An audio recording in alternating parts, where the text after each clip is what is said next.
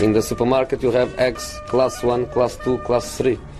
And some are more expensive than others and some give you better omelets. That's the wrong information. Wrong, wrong, wrong information. I didn't say that. That's the wrong information. Do you think I'm an idiot? Wrong, wrong, wrong information. Now look at me when I talk to you. Your job is to tell the truth. That's the wrong information. Ja, Sillypodden. Det är tisdag eftermiddag. Vi har lite begränsat med tid eh, idag, men vi ska i alla fall försöka riva av det allra väsentligaste. Makoto, du är med mig här i studion. Ja, och nu inser jag att jag har skickat väldigt mycket rykten i det här mejlet. Vi river av det. Ja, ja, då river vi bara. Ja, vi river på.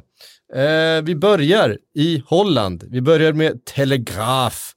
Eh, Memphis Depay klar, eller? För, för Barcelona. Ska vara done deal enligt den där trovärdiga eh, tidningen. Eh, Telegraf har ju koll på holländarna, så är det ju. Ja, det är ju en telegrafjournalist som jag naturligtvis har glömt namnet på och av någon anledning inte skrev namnet på i det här. Vi kommer ju en, ändå uttala det holländska namnet fel. Ja, det är sant. Det är sant. 25 plus 5 miljoner euro.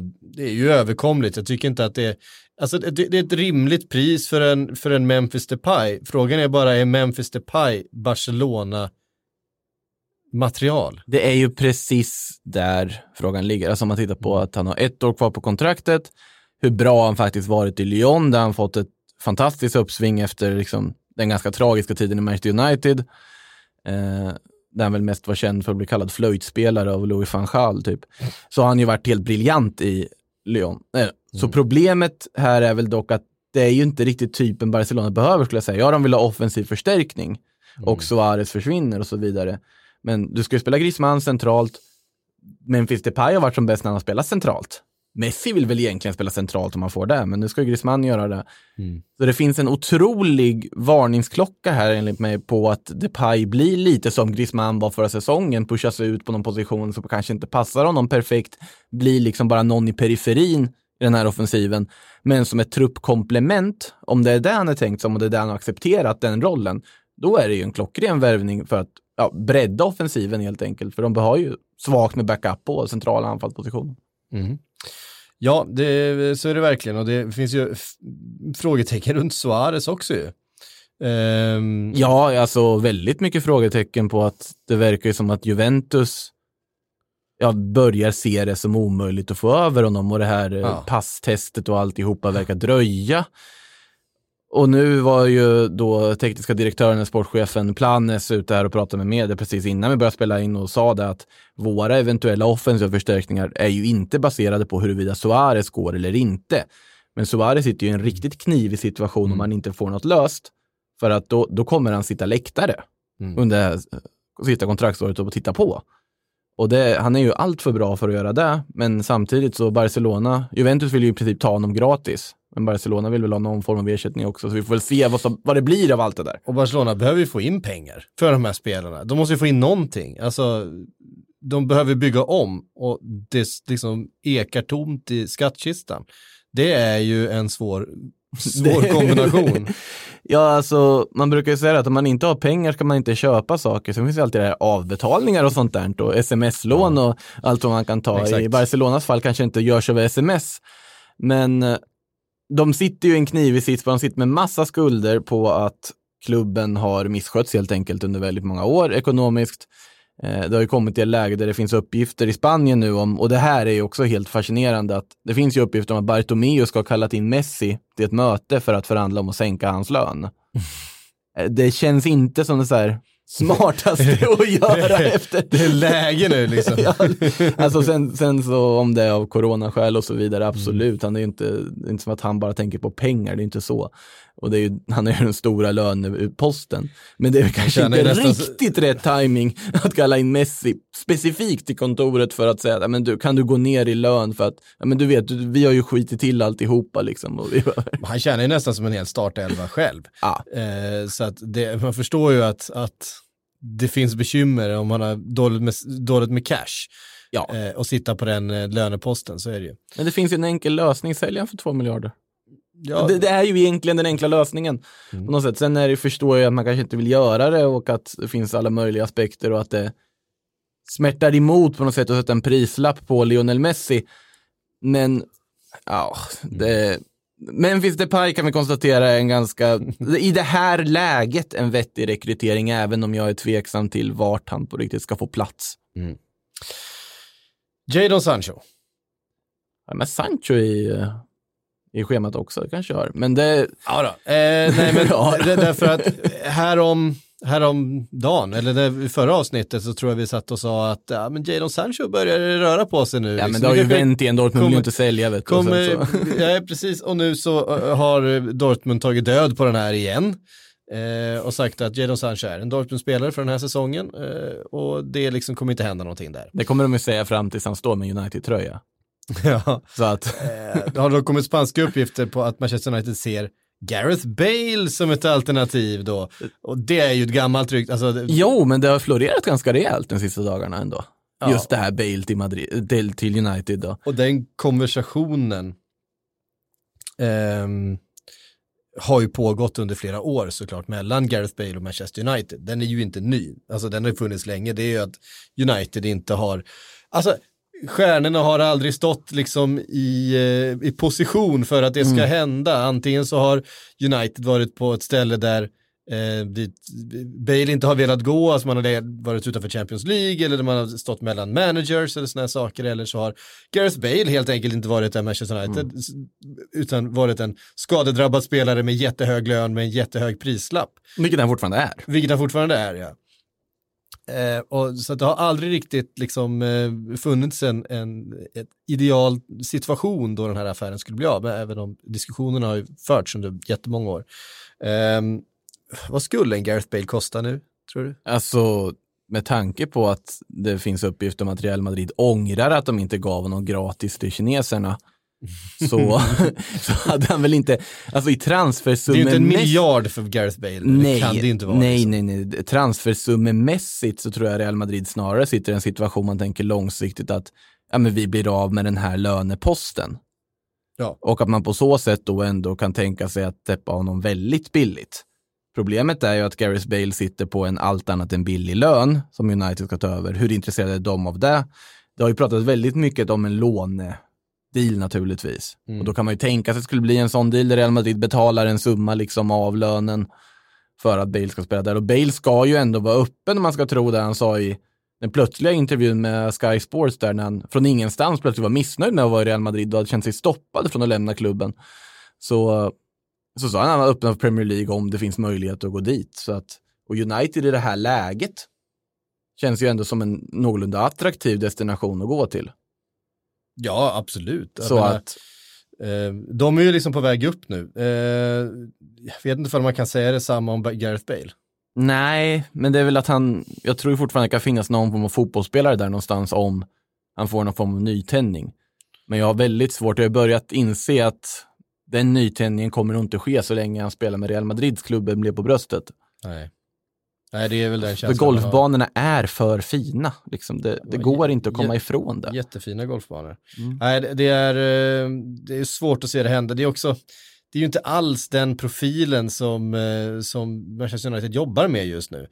Eh, För några år sedan så hade det känts väldigt naturligt när strategin var mer kortsiktig, man kände att man hade ett, ett häng, det var, man var en eller två liksom stjärnvärvningar ifrån att bara skutta tillbaks upp på toppen igen.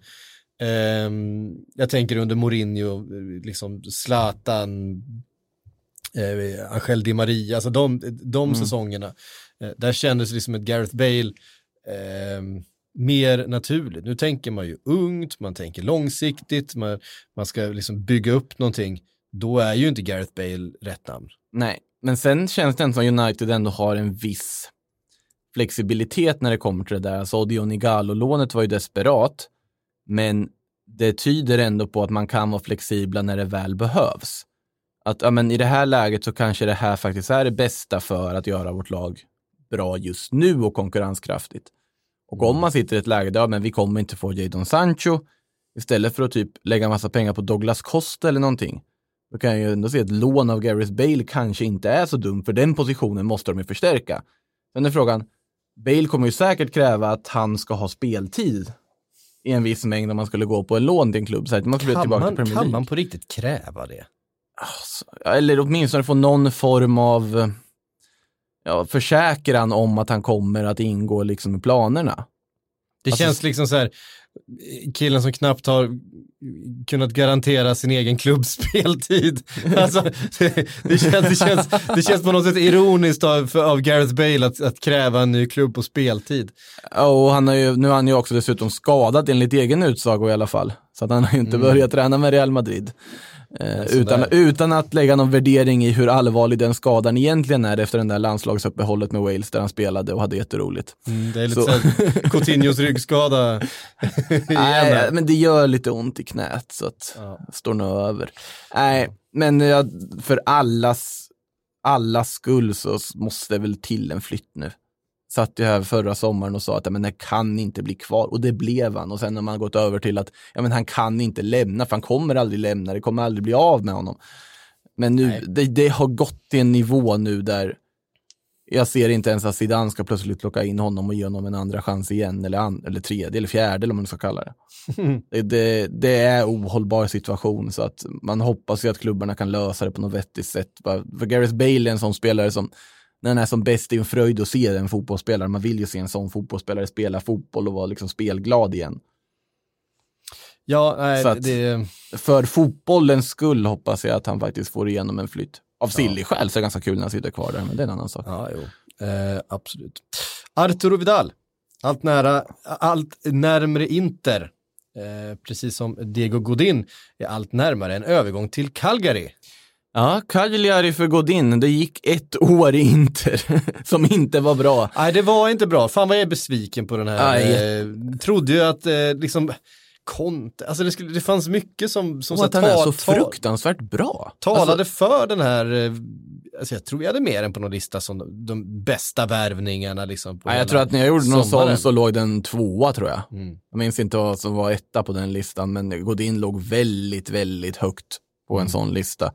Eh, gratis, man får en spelare som då kändes fortfarande liksom i sin prime. Och, Total världsklass Ja. var ju liksom så här, en av världens bästa mittbackar Mm. gratis. Sugen på att gå, alltså du vet här, definitionen av försvarsgeneral liksom. Ja, och en, och en tränare som verkligen har vett att förstå eh, vad, man, vad man ska göra med en bra mittback. Sen fick han uppleva en trebackslinje. och Ja, var det passade inte honom. Nej, inte överhuvudtaget. Eh, och den här flytten är ju, alltså det är ju ett superkap av Cagliari måste jag ju säga. Det, de blir ju ännu mer trevliga att titta på nu också. Dessutom när Nandes och gänget fortfarande är kvar där, det ska bli riktigt spännande att se nästa säsong. Men alltså i Inters fall, ja det funkade ju helt enkelt inte. Jag kan förstå för att titta på en exit för honom. Eh, om man pratar om Vidal, där så ska det ju i princip bekräfta att han lämnar nu. Eh, Planes också som var ute där och sa det att men Vidal är på väg bort och vi är i slutförhandlingar med Inter. Har han ju rakt ut sagt. Det är vissa detaljer som återstår men det är väldigt få saker som tyder på att Arturo Vidal inte ska bli en uh, Interspelare innan, ja, om de kommande veckorna i alla fall. Eller innan fönstret är slut. Så han är ju på väg dit. Så att Conte får sin Vidal till slut. Eh, det får han. Eh, I Real Madrid sitter Regulon och funderar över eh, samtiden och framtiden. Eh, Manchester United vill ha honom. Eh, känns som en, en utmärkt värvning för Manchester United. Eh, men man kan inte riktigt komma överens med Real Madrid om prislappen. Det är 30 miljoner euro som ska vara begärt. Eh, han kommer inte gå tillbaka eh, till Sevi- Sevilla på lån igen, eh, kan vi i alla fall utgå ifrån. Ja, de har ju värvat en ersättare. Eftersom de redan har värvat en, en vänsterback. Så att ehm, eh, det är väl eh, Manchester United or bust. Ja, Eller jag vet inte vilka som- andra klubbar skulle kunna ge sig in. Är det någon annan som behöver en vänsterback fortfarande? Pratas om att eh, Inter och Conte tittar på Marcos Alonso. Kanske Mm. Reguilon hade varit en roligare förstärkning dit i sånt De har ju fall. precis köpt Ben Chilwell. Ja, alltså Chelsea ja. Marcus Alonso. Ja, exakt. Men Marcos Alonso till Inter. Ja, precis. Ja, nej, okej. Ja. nej jag, jag tänkte ju snarare på vad heter det, att Inter skulle istället för att titta på Marcos Alonso titta Jaha, på du Reguilon. tänker Ja, så. Ja, ja. det var den ja, ja. Då är vi. Jag som syftfelar. Eh, vad tänkte jag säga? Jo, men det beror ju på vilka som behöver vänsterbackar. Och... Alltså jag tycker bara betala den pengen, han är ju värd de pengarna. Mm. Men United gillar ju att ändå, och det ska de väl ha cred för till viss del, det får ju inte bli för långt, men cred till viss del att ja, men vi försöker ändå trissa ner priserna för att vi ska hantera klubben Alltså. liksom rätt. De försöker göra det bästa de kan för sin klubb. Exakt. Och för Reguilon är det en jobbig situation för att han vet ju att med Ferland Mendy och Marcelo i Real Madrid så kommer det bli absolut noll speltid. Han är absolut för bra för att sitta på en, på en läktare eller på en bänk. Han ska spela fotboll. Eh, United hade varit ett perfekt alternativ för honom faktiskt och perfekt alternativ för United så att man får ju hoppas att, och han ska ju vara lite sugen på att testa Premier League också dessutom. Mm. Så bara det är Vil- ju Vilket man ju är. Sen får man ju se hur han håller i Premier League, det är en annan sak för att det är inte jättestort vad heter det, urval av erfarenhet man kan titta på när det kommer till honom. Det är ju den här supersäsongen i Sevilla och sen en helt okej säsong i Real som man har. Eh, och i Sevillas fall när de plockar in Marcos Acuna nu, för det har blivit fantastisk värvning av dem också tycker jag en av ja, portugisiska ligans bästa vänsterbackar förra säsongen. Eh, som dessutom funkar jättebra med en trebackslinje och liksom offensiv och har lite samma egenskaper som Reguilon har. Kanske lite starkare, kraftfullare, bättre skott skulle jag gissa på att han har också. Så då kommer inte bli Reguilon dit. Han kommer inte komma tillbaka dit, så då är det väl United. Så att, om inte någon annan klubb ger sig in från ingenstans, så vi inte ska utesluta heller. Nej, eh, inget går att utesluta. Det, vad sägs till exempel om att Mbappé lämnar PSG? Jag har ju sagt att han ska till Real Madrid förr eller senare. Det har jag sagt hela Ja, tiden. har inte det alltid liksom. På tal, om, på, på, på, tal, på tal om konversationer som har pågått i många år. Ja, ja, jo, men det, alltså, det där har säkert jobbats på hur många år som helst. Det, är alltså, det känns som en sån här övergång som är skriven i stjärnorna, att den kommer ske förr eller senare. Det finns ju vissa sådana här stora. Cristiano Ronaldo när han skulle till Real Madrid, det kändes ju som, det kommer ske förr eller senare. Och Kylian Mbappé är lite samma sak. Nu börjar det ju florera nu när sista kontraktsåret börjar närma sig. Uppgifter om att han ska vilja lämna Real Madrid som inte har värvat någonting. Det är ju mycket som på något sätt talar för att det här kanske nästa sommar ändå är den sommaren där Mbappé-förstärkning hade varit logisk och genomförbar. Men det beror ju också helt och hållet på hur coronasituationen utvecklas under säsongen. För om det fortsätter på samma sätt som det gjort nu, då kommer inte Real Madrid ha några pengar att värva för även nästa sommar. Nej. För de är tillräckligt välskötta för att förstå att det finns en risk på lång sikt och värva allt för dyrt. Mm. Eh, Typ som Liverpool. är ju egentligen samma sak. Så att, men ur perspektivet kontraktet på väg ut, ur perspektivet att Kylian Mbappé förr eller senare kommer spela i Real Madrid, det vågar jag nästan fastslå, Mm. Så ska man ändå ha uppgifterna i beaktning. Liksom. Man behöver inte helt avskriva dem ändå, Nej. tycker jag. Nej, Nej det, det tycker jag också. Jag måste säga att ponera nu om vi, att det blir så. Kylian Mbappé lämnar för jättemycket pengar, eh, trots ett år kvar på Mm. kontraktet kommer han bli dyr. Eh, det är ju ändå liksom den mest lovande fotbollsspelaren Ja. i världen. Alltså han är väl redan nu kanske världens tredje bästa fotbollsspelare. Ja, åtminstone är han ju väldigt, väldigt hög hylla, ligger han på. Något sånt. Det var då 21-22 år gammal. Ja. Ehm, och man kommer ihåg det där när han gick för den här rekordsumman till PSG och man blev lite förvånad. Jag minns, varför, varför väljer han PSG? Varför väljer den här typen av projekt nu? Ehm, men jag tror att det var jävligt smart alltså. Jag tror tror, att, jag tror att det var helt perfekt för han, han, där, han får bygga sitt varumärke. Han får vara kvar i Frankrike. Han får faktiskt en lite lättare uppgift som anfallare i en, en liga som den franska. Och spela med Neymar. Han får, han får spela med jättebra fotbollsspelare. Han får ösa på, liksom. Eh, lära sig jättemycket, utvecklas i en, en ganska trygg miljö.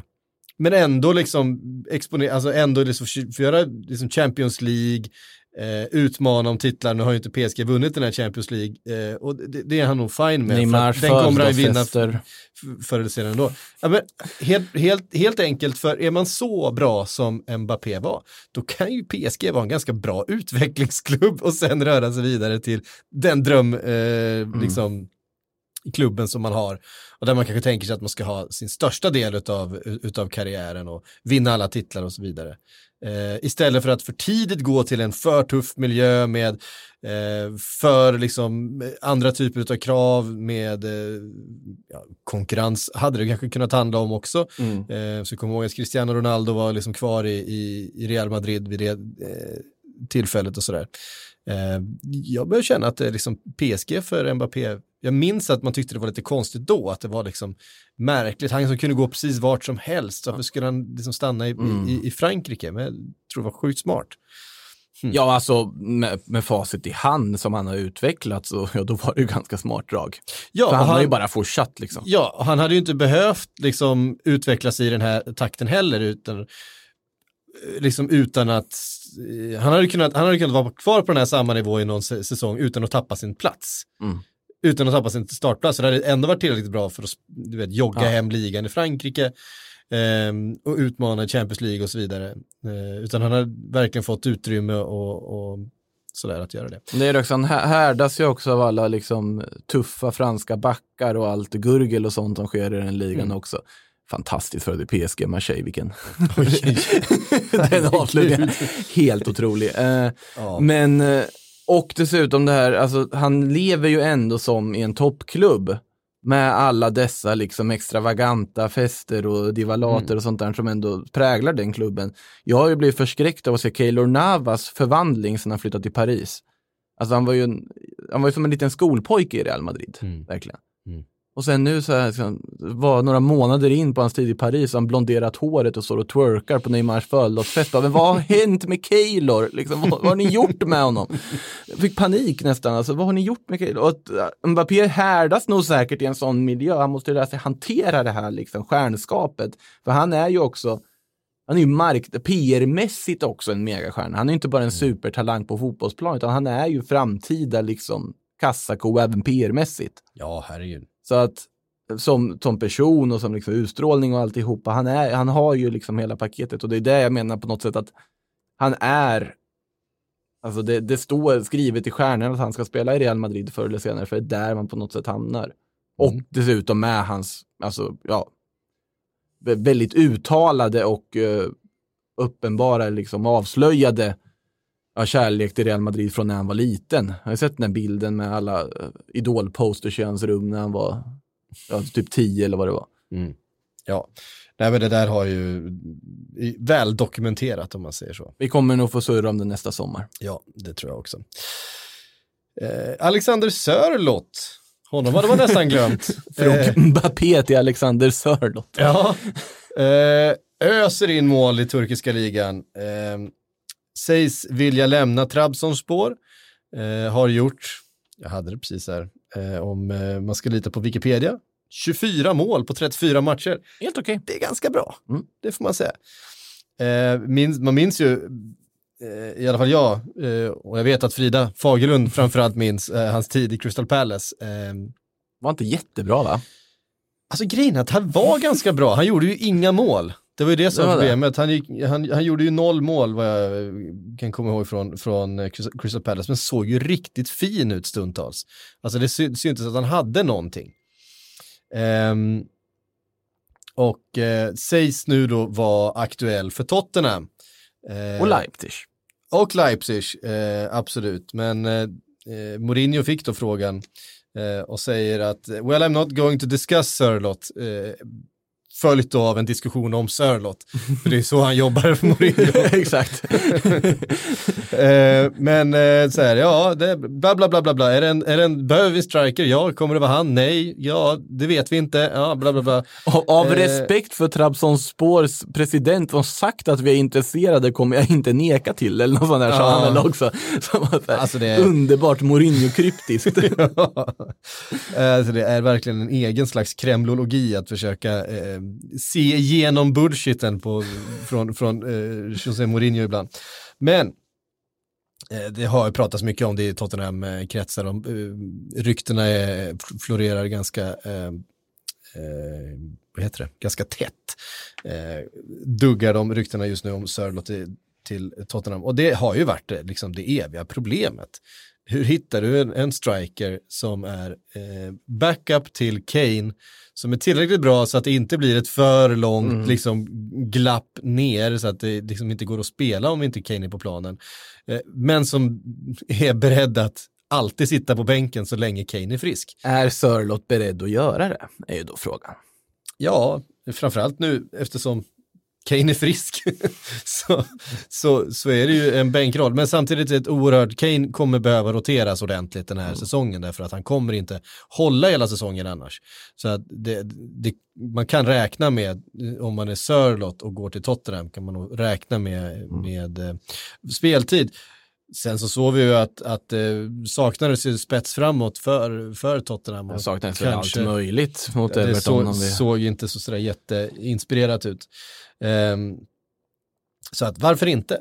Eh, jag hade, alltså det är, det är en spännande kille, han, han är 25 år gammal nu. Ehm, eller, eller så fyller han det. Eh, jag såg i alla fall att han var född 95. Jag tänkte först jag- bara, jag läst kunde han åldern? så, så tvekar du efter. Ja, i, dec- I december, jag har honom uppe här. December, han, han är 24, fyller 25. Eh, perfekt ålder egentligen om man ska plocka in honom nu. Eh, frågan är hur mycket han kommer kosta. Det är väl så att han är på lån i Trabzonspor? Det- är på pappret och att de på något sätt får köpa Just loss det. honom med någon klausul som sen därefter att de kan sälja vidare honom. Ja, precis. Han är väl i, i, i Trabzonspor på lån med, med, eh, med någon slags utköpsklausul, så de måste köpa ut den utköpsklausulen. Han tillhör faktiskt fortfarande Crystal Palace. Och då undrar man ju också hur Crystal Palace har hanterat alltihopa detta eh, med tanke på vad de betalar för honom en gång i tiden. Jag tror inte de går plus på den här affären om man tänker på den utköpsklausulen.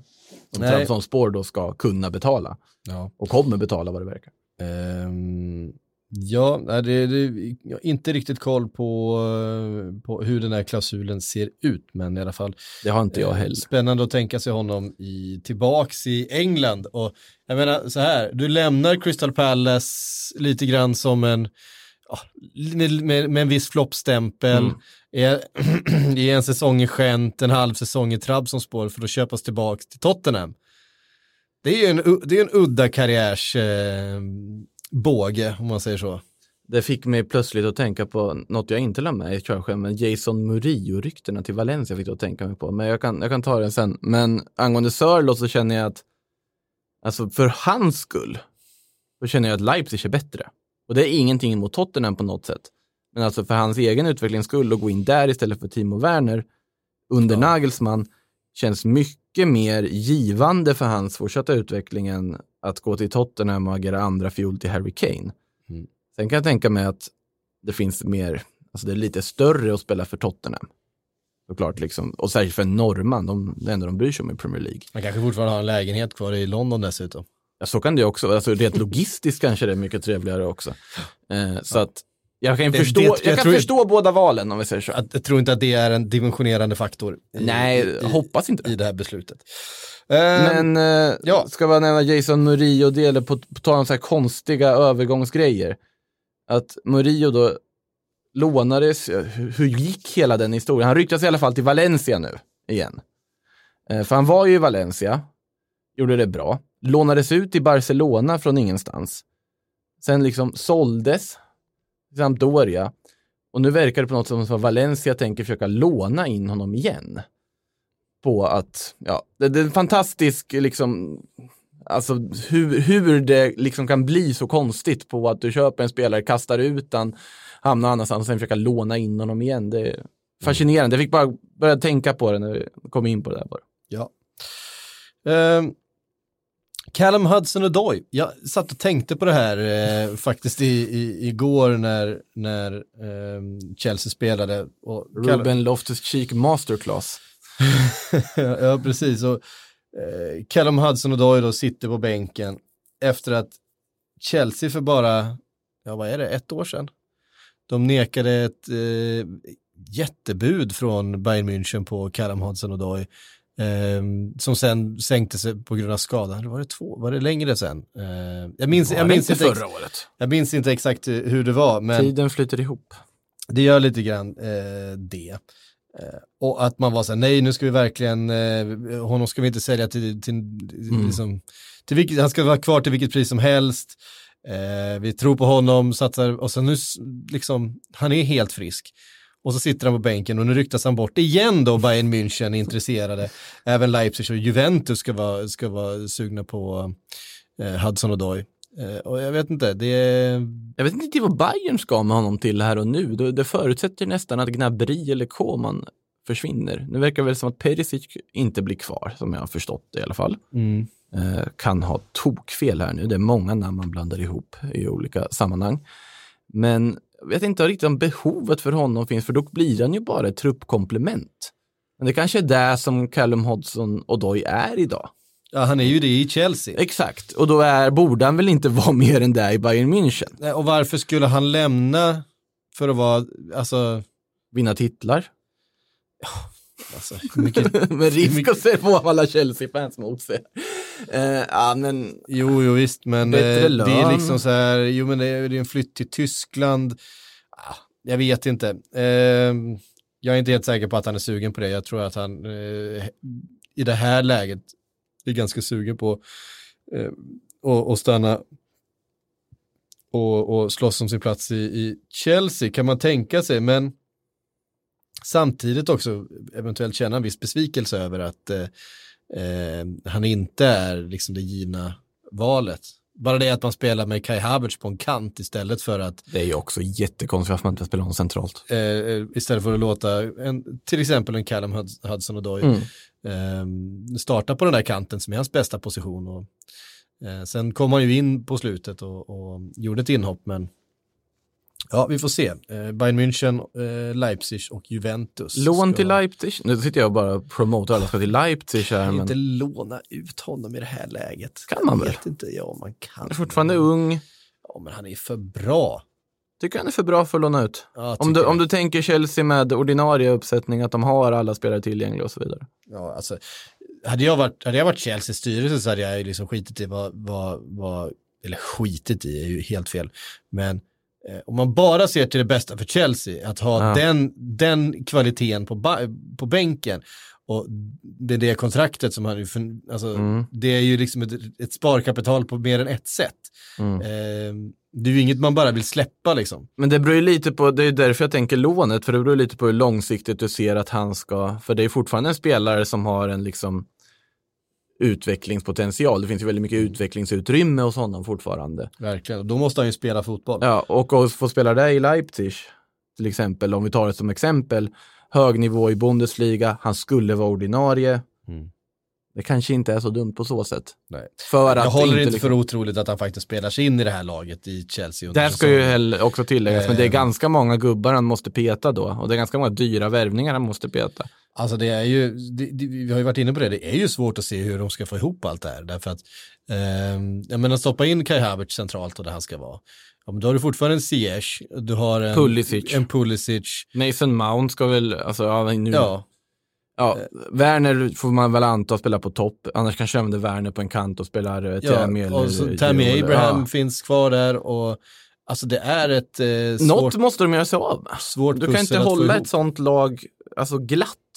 Hur mycket man än pratar om bredd och sånt, så du kan inte ha för mycket kvalitetsspelare som förväntar sig startelveplatser i samma lag utan att det kommer bli polemik på ett eller annat sätt. Nej. Och du har Ross Barkley och så vidare. Som, Just det, han också. Eh, så att ja, det kan bli tufft. Jag, tror, jag har dock en liten känsla för att eh, eventuellt Ka- Callum Hudson-Odoi eh, kanske är den som ändå drar det längsta strået där och kommer knipa den där platsen. Ehm, för jag tycker han är riktigt bra.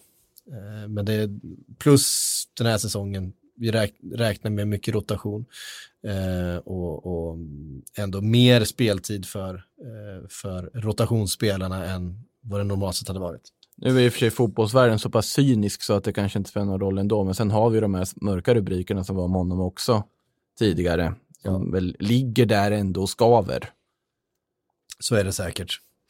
Ehm, så är det säkert ja. Fan det tänkte Mm. jag inte ens på. Uh, hade på något sätt uh, trillat så gärna på mig, men ja, absolut. Jag ska ärligt säga, jag vet inte vad som har hänt med den historien efter. Nej. Jag sitter här just nu. Nej, men- jag är lite dåligt inläst eh, på den just nu känner Mm. jag. Robin Quaison. Äntligen får vi lite svenska namn i Sillypodden. Ja, Fan, nej, men de, liksom- båda Bundesliga. Ja, både Rob, Robin Quaison och Sebbe Andersson. Vi börjar med Quaison. Burnley budar. Yay! Vad glad jag blir. Ja, det är så härligt. Quaison i Burnley. Ja, men, det, är klart han, det är klart att han ska till Burnley. Bilda anfallspar med Chris Wood. Ja! Det är så jävla härligt. På något sätt kan jag ändå se det, alltså att de, Jag tror att han, han är ändå ganska hårdjobbande, liksom nyttig anfall. Jag tror att han skulle kunna funka ganska bra där. Ja. Det var kul att se. Mm. Och det känns som en speltyp de skulle behöva och där han skulle få förtroende att spela också. Hur är du på tredje bollar i boxen? Fjärdebollar. ja, precis. Det är bara att veta åt vilket håll den ska va? Konkurrera med Jay Rodriguez som en startplats. Ja, det borde han kunna lösa. Även om jag, även om jag eh, verkligen gillar Jay Rodriguez eh, så mm, saknar han ju den, den eh, eh, vad heter det, den eh, rä- rätt eh, kontinuitet i sitt spel. Eh, alltså så bra som han var när han slog igenom med Southampton, eh, då den säsongen när hela Southampton slog igenom med, med Pochettino och Lalana och, och hela gänget. Då var han ju fantastisk. Och sen den där riktigt svåra skadan och var borta i en och en halv säsong. Så har, har han ju liksom så här blixtrat till då och då och gjort några fantastiska strutar, eh, inte minst. Men jag tror att köper de in en Quaison så tror jag han klämmer sig in. Eh, Definitivt. Kan ju användas på kanten också dessutom, Mm. på mittfältet. Det är väl kanske främst om en av två anfallare man tänker att han skulle gå in i sånt fall. Men... Ja, det tror jag. Eller så har man honom och McNeil på varsin kant, vilket kanske inte är helt dumt heller. Nej. Eh, Jay Rodriguez för övrigt måste ju vara ändå, även om han är duktig och så vidare, så sett till namnet om man inte vet vem det är och föreställer sig vad det är för typ av fotbollsspelare, så är ju verkligen Jay Rodriguez det liksom. Det är ju inte det man tror. Det, det, förpackningen är ju väldigt, Ja, lite så. lite så. Eh, Sebastian Andersson eh, på Sportbladets uppgifter. Eh, uppges då gå från eh, Union Berlin till Köln för 65 miljoner kronor. Enligt eh, Köln-tidningar så ska han då... Det ska ju gått vidare därifrån, Ja, liksom, från på väg till snart klar. Mm. Eh, här, man kan ju tycka, man tittar på det bara, Union Berlin till Köln, det känns väl som att du går liksom i sidled lite. Mm. Ja, kanske liksom sportsligt på ett sätt. Med tanke också på att komma ihåg vad Union Berlin har, har värvat in då i, i konkurrensväg till Sebastian Andersson också. tänkte du på Max Kruse eller? Ja. Ja. fast de skulle väl kunna komplettera varandra kanske. Men i det här fallet så är det väl lite också så att Union får bra betalt. Mm. Köln är en väldigt mycket större klubb, rent liksom infrastrukturmässigt med supportrar, med alltihop och allting runt omkring. Det är liksom en väletablerad Bundesliga-klubb på ett annat sätt än Union Berlin som är väldigt mycket mindre. Mm. Så att ur det där perspektivet är det en bra flytt med tanke på också hur väl den tyska fotbollen har passat Sebastian Andersson. Så att jag kan väl se logiken i den, för jag känner väl inte riktigt att han är på den nivån att han typ skulle gå in i liksom Bayer Leverkusen eller Gladbach eller något, utan det kanske är ändå bättre att bara gå till en större förening, även om det liksom sportsligt inte är någon jätteskillnad här och nu. Nej. Men då är det väl att John Cordoba kanske ska röra på sig, kan man ju tänka sig, eller så kan han spela med honom. Det får man se. Eh, ja, det är spännande i alla fall med, med svenskar som rör på sig, även om det inte är... ehm, Joel Asoro verkar ju vara på väg till Genoa kan man ju lägga till också. Han togs ju på bild där med Genoa-klubbmärket på en vägg där bakom, så att den verkar ju vara nästan i hamn. Härligt. Ehm, Jack Grealish har det varit mycket snack om till Manchester United framförallt. Mm. Ehm, har liksom svalnat de eh, ryktena under de senaste veckorna. Och nu har han förlängt med Aston Villa, ett nytt femårskontrakt. Ehm, Skapligt statement ändå, Ja, det är det ju. måste jag säga. Nu, nu ska man ju alltid ta alla de här uttalanden man gör efter en kontraktsförhandling med- eller förlängning med en viss nypa salt och så, att de är ju alltid ganska kryddade och Mm. liksom, småsmöriga. Men han säger ju det här liksom att jag, jag litar på det här projektet, att det har varit så bra och så vidare. Att, och jag vill ändå stanna här och det är ju jätteviktigt för dem. Det är ju större än alla former av nyförvärv de skulle kunna värvat in och få ha kvar honom i hjärtat Mm. Ja, ja, i visst. klubben och alltihopa. Så att, eh, och det tar ju död på det här snacket om att han ska till United och hej och hå, Ja. för att de pengarna som det skulle kosta att köpa loss honom från det här femårskontraktet, de kommer inte betalas den här sommaren. Eh, inte under några som helst omständigheter. Eh, det kan vi vara säkra på. Eh, Roma skiter i Chris Smalling och plockar in eh, Marash eh, Kumbulla från Verona istället. På lån. Ja, alltså, Vilken budgetvärv, vilken, vilken bud, nej det är ju ingen budgetvärvning. Alltså, eller ja, så här, budgetbeslut. Alltså så här, Smalling hade ju kostat mer. Smalling hade nog, fast Kumbullas köpoption ligger nog på högre än vad Smalling hade kostat. Ja, det är möjligt, men, men, Men- det är fortfarande inte pengar här och nu. Nej, man man skjuter upp det. Sms-lån. man skjuter upp det. Nej, men Kumbulla har ju varit en av de mest alltså, stora genombrottmännen i Serie A förra säsongen. Strålande i Verona som överraskade allt och alla under sin liksom, premiärsäsong efter uppflyttningen och mm. Kumbulla 20 år, det har ju varit huggsex om honom bland de andra italienska storklubbarna. Det är ganska jättefin värvning av Roma att plocka in honom. Sen hade man kanske velat se både Småling och Kumbulla om det hade gått, för det hade ju varit helt utmärkt för dem. Mm. Men, men det finns ju också en gräns på hur mycket pengar man kan spendera, så att Ja. Vad händer då med Chris Smalling? ja, det är en väldigt bra fråga. Är det tillbaka till Manchester United? Det har pratats om eh, Inter. Eh, Ja, de måste vi ersätta Godin med någonting. ja. Eventuellt så, är det, så är det, blir det Inter då för Chris Smalling. Eller så blir det tillbaka till Manchester United och sen så krigar då om en eh, plats där, ja det blir ju Lindelöf han ska konkurrera med för att eh, Maguire kommer vara given. Ehm, Om jag får slänga upp ett lag jag tror jag hade mått bra av någon så vill jag slänga in Milan. ja, varför inte? Kan säga se behovet av en extra mittback där. De ska ju värva bra 100 kvalitet. spelare till har de sagt så att ehm, Ja, de värvar Chris Smalling som en av dem. och nu är det inget negativt med att ta Chris Smalling på lån ska tilläggas. Det är snarare nej, vi, det, är inget det, som det, vi... måste, det måste vi pudla lite på, att nu är det snarare någonting positivt. Ja. Det är en framgång att ta Chris Smalling på lån. ja, precis. Vi har en till på listan här, eh, Pervis. Estupinian. Ja, den här är- får du ta. Alltså, Ja, ja, men alltså jag blir så glad när jag såg den. Eh, han var ju, Pervis Estupinian var ju vänsterback i Osasuna förra säsongen, på lån från Watford. Var helt underbart bra. Eh, och såklart han inte ska spela i Championship. Och då pratas det om att då spanska transferfönstrets absolut största vinnare hittills, Villarreal, ska plocka in honom som ny vänsterback. Och det vill jag bara konstatera vilken, hur bra det ser ut i Villarreal, även om de förlorar sin premiär så är det, att få in honom i den backlinjen också. Det, ja, det ser riktigt bra ut för Unai Emerys projekt. Nu gäller det bara att de levererar på plan också. Ja, precis. När, eh, ja, alltså Villarreal, vad har du för förhoppningar på säsongen?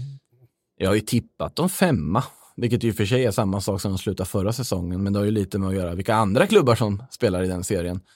Eh, men om de inte tar Europaplats med tanke på värvningarna de har gjort och med Unai Emery nu vid rodret, då är det ju, måste jag säga att det är ganska stort fiasko. För de har ändå liksom, de har i princip mobbat Valencia, plockat deras kapten och, ja, och sen Francis Coquelin som dock blev skadad i premiären här på det. De vinner dragkampen om Takifusa Kubo, de plockar Pervis nu som, som ryktades till alla möjliga klubbar också. Där kan jag fortfarande inte förstå varför. Ja, Watford såg väl chansen att sälja liksom rakt av och han ville väl inte spela Championship, så den aspekten finns väl. Men nej, de ska ta en Europaplats med den truppen, det tycker jag. Sen får man ju se hur det påverkar att Santi Cazorla och Bruno Soriano inte är där någon mer, för då blir det ju en annan, det är ju en annan tonläge i omklädningsrummet på att du förlorar sån, den typen av spelare. Men truppmässigt, om du tittar på namnen, ska det absolut vara Europaplats. De borde ju vara med och slåss om Champions League-plats också. Mm. Vad bra, vi ska ta några, eller någon fråga i alla fall innan vi knyter ihop för idag. Eh, vi kan börja med ett som kom på mail eh, från dig. Adam, var- fick Adam, Adam Nielsen eh, skriver så här. Eh, Saha till Manchester United när Ole Gunnar är desperat på deadline day. Vad tycks? Den är ju inte, den, Den, den är inte dum alltså. den är inte dum. Tycker jag. Eh, Alltså, det finns en logik i den. Nej, och det, det finns också en, en, en, saknas logiken i den eftersom man redan har varit där och misslyckats. Och, och, Ja, just det, jag har helt och- glömt och- att han och var inte- där. och inte, och inte kanske har de bästa minnena från klubben och Ja, ja, det är väl kanske ömsesidigt det- med supportrar och sådana grejer och det skulle kännas märkligt att, och gå tillbaka. Men bortsett från det så känns det inte osannolikt. Det säger ju en del om hans United-gärning, att jag helt förträngt att han ens har spelat i United. Det känns som att han varit i Crystal Palace så länge som helst nu. Eh, men där så var det väl Roy Hodgson som var ute och sa det, att om vi ska sälja honom så är det marknadspris eller något sånt där. Då, då får man betala där det kostar. Och jag vet inte vad han definierar som marknadspris för Wilfred Zaha. Men United måste väl få in någon form av ytter. Och om det skiter sig med Bale och det skiter sig med Sancho och allt vad det är så Mm. varför inte? Ja. Ja, nej, det, jag, jag, jag håller helt med. Eh, jag, det känns verkligen som en... Eh, Alltså var det i och för sig inte den här typen av värvningar vi sa att United inte gjorde något mer? jo, men det är ändå en... eh, jag vet inte, det är, något, det är inte- Gareth Bale på det sättet liksom.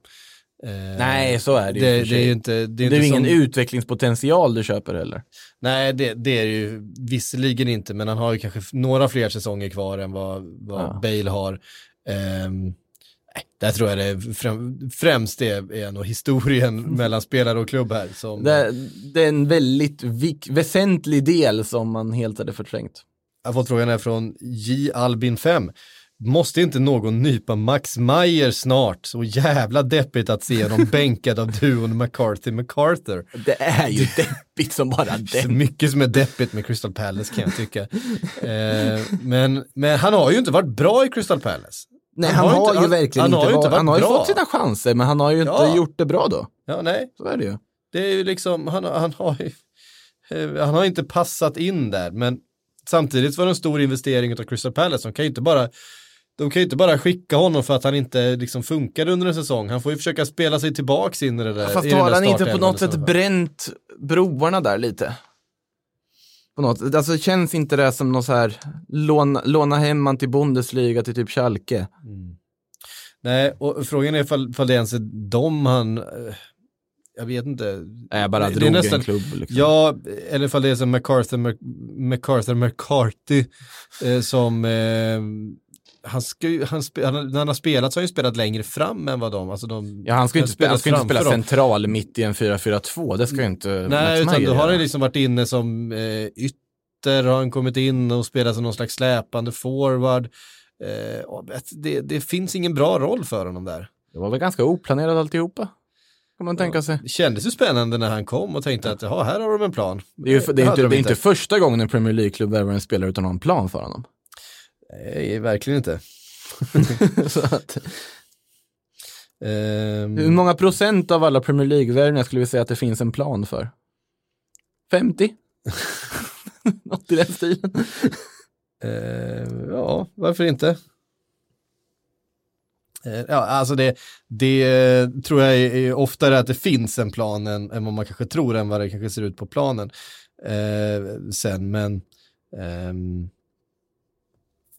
just det här fallet så förefaller det li, lite oklart. Precis. Eh, hörni, vi eh, måste faktiskt knyta ihop säcken här. Eh, klockan börjar bli mycket. Eh, Makoto, tack för att du kom in. Eh, Tack själv för att du missa kom in. inte eh, Premier League-podden som släpptes för bara en liten stund sedan. Eh, och så eh, Sillypodden återkommer snart igen, det vet ni, det är bara att hålla utkik efter. Efter nästa avsnitt så kommer vi snart. Bra, på återhörande.